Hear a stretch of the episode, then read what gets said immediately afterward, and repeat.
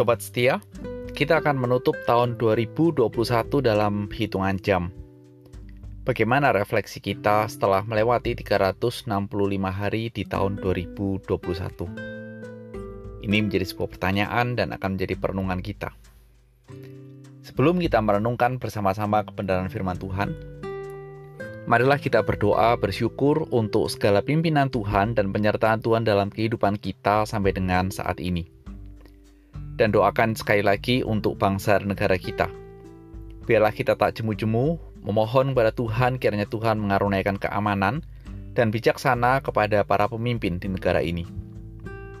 Hari ini, kita akan menutup tahun 2021 dan menyambut tahun 2022 dengan merenungkan sebuah tema. Selamat tahun baru, back to the true God.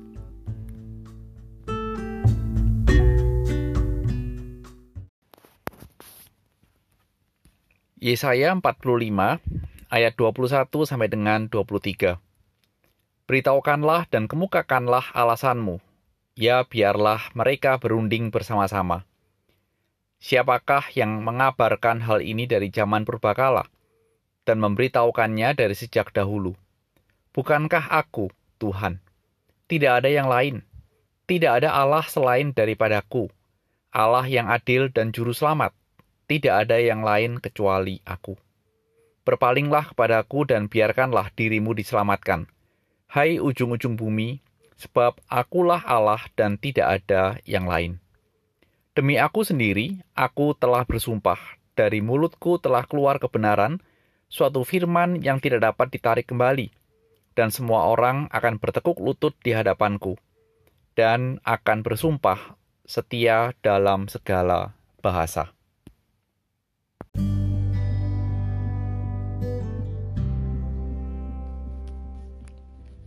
Mari kita berdoa. Tuhan Yesus bersyukur untuk pimpinanmu selama 365 hari di tahun 2021. Hari ini biarlah firman Tuhan menjadi perenungan kami dalam menutup tahun 2021 dan membuka tahun 2022. Berkati kami dengan firman-Mu, demi Kristus. Amin. Sobat setia, 365 hari di tahun 2021 telah berjalan dan saya mendengar cukup banyak anak Tuhan yang menggumuli tentang Allah. Ketika mereka bergumul tentang Allah, itu berartinya ada sesuatu yang serius yang mereka pikirkan tentang iman mereka, yang beriman kepada Allah yang sejati. Secara kursus, berkaitan dengan kehidupan mereka yang benar-benar mengalami struggle yang begitu luar biasa. Bila kita ditanya atau kita merenungkan kehidupan di tahun 2021, siapakah yang menjadi Allah bagi hidupmu? Apa yang akan menjadi jawaban kita? Apa, sobat setia? Mungkin tanpa kita sadari, seseorang sering yang menolong kita adalah menjadi Allah kita, menjadi sandaran kita. Mungkin rencana karir atau studi di masa depan juga menjadi sebuah Allah kita dalam hidup ini karena kita yakin bahwa dengan itu semua, kita berpikir hidup akan lebih terjamin dan pasti. Mengapa? Tidak hanya S1, tidak hanya SMA, tetapi bisa S2 atau S1. Atau mungkin bukan itu semua. Namun kita secara tidak sengaja memang meminggirkan Allah dalam kehidupan kita. Karena kita terbiasa hidup mandiri, benar-benar mandiri. Dalam arti, hidup tanpa Allah itulah kebiasaan kita. Dan mengandalkan kekuatan kemampuan kita, melewati hari demi hari, berusaha menyelesaikan segala permasalahan, dan waktu yang berjalan dengan cepat semakin menghantar kita untuk meminggirkan Allah dalam hidup kita. Dan bila kita ditanya, apa sebabnya bisa menjalani kehidupan seperti itu? Mungkin kita bisa menjawab dan menjelaskan karena Allah tidak seperti Spider-Man yang secara cepat bisa membereskan banyak masalah dalam kehidupan kita dalam waktu yang relatif singkat. Mungkin itu yang menjadi sebuah pergumulan, menjadi satu hal yang kita pikirkan dalam kehidupan ini. Sobat setia, kalau kita membaca dalam Yesaya 45 ayat 21 sampai dengan 23. kita perlu melihat bahwa sebelum ayat sebelum pasal 45 ini dituliskan, mereka benar-benar melihat bahwa kita perlu melihat bahwa sebelum pasal 45 mereka itu adalah bangsa yang kocar kacir. Kenapa?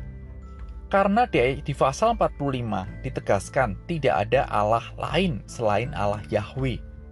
Dan kemudian di perjanjian baru kita tahu bahwa pribadi kedua dari Allah Tritunggal berinkarnasi menjadi manusia yang dikenal dengan nama Yesus Kristus. Dan pada saat itu, bangsa Israel berpaling dengan menyembah dan berdoa kepada patung-patung buatan mereka. Yesaya 42 ayat 17. Perhatikan, orang-orang yang percaya kepada patung pahatan dan berpaling ke belakang dan mendapat malu yaitu orang-orang yang berkata kepada patung tuangan tuangan bahwa kamulah Allah kami. Inilah yang menjadi sebuah latar belakang. Kenapa dalam 45 ditegaskan tidak ada Allah lain dan ayat 42 menegaskan bahwa kehidupan mereka adalah kehidupan yang kocar kacir. Mengapa seperti itu? Karena mereka benar-benar hidup membelakangi Allah lebih memuja patung buatan mereka sebagai Allah yang dipercaya bisa menolong mereka.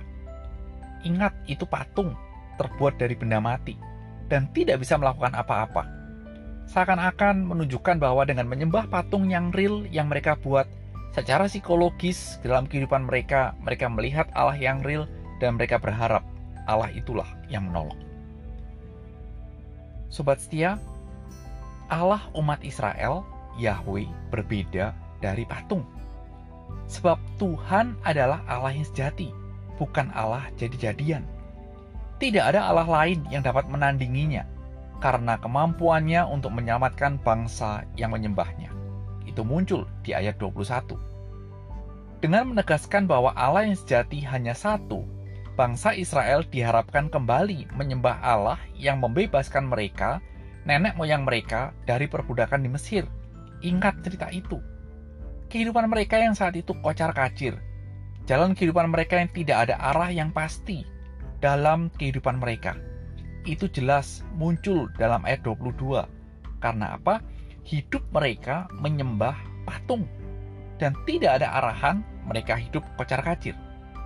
Seakan-akan Yesaya menegaskan bahwa cukuplah menjalani hidup yang berantakan tanpa Allah yang sejati sadarlah bahwa hidupmu akan semakin kocar kacir bila engkau menjalani kehidupan dengan menyembah Allah yang palsu.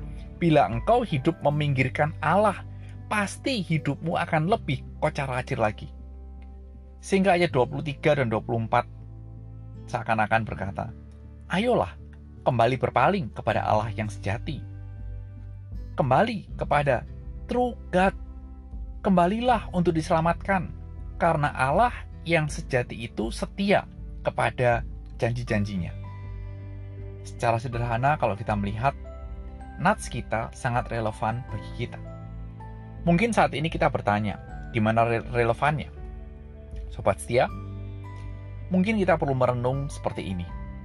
Bagaimana kehidupan kita di tahun 2021? Saya yakin jawabannya pasti gaduh-gaduh.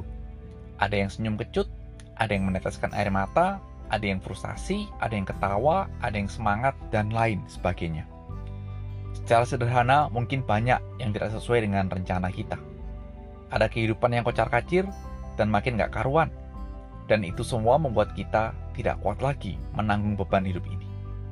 Menutup tahun 2021 saja rasanya, duh, kok nutupnya seperti ini? Dan bagaimana menatap tahun 2022? Mungkin kita akan mengatakan, udahlah, nggak ngerti lagi. Tapi karena life must go on, ya sudah, hadapi dan jalani saja. Di hari terakhir tahun 2021, melalui nats ini kita diingatkan, hanya ada satu Allah yang sejati, yang kita kenal dalam Kristus. Dan seharusnya kepada dia saja kita bersandar dan bergantung. Kita tidak diperbolehkan untuk mengandalkan diri kita sendiri atau penguasa yang saat ini memiliki kekuasaan, karena mereka semua bisa berganti setiap saat. Kita juga tidak boleh menggantungkan dan berharap kepada uang yang senantiasa kita harapkan bisa menolong kita.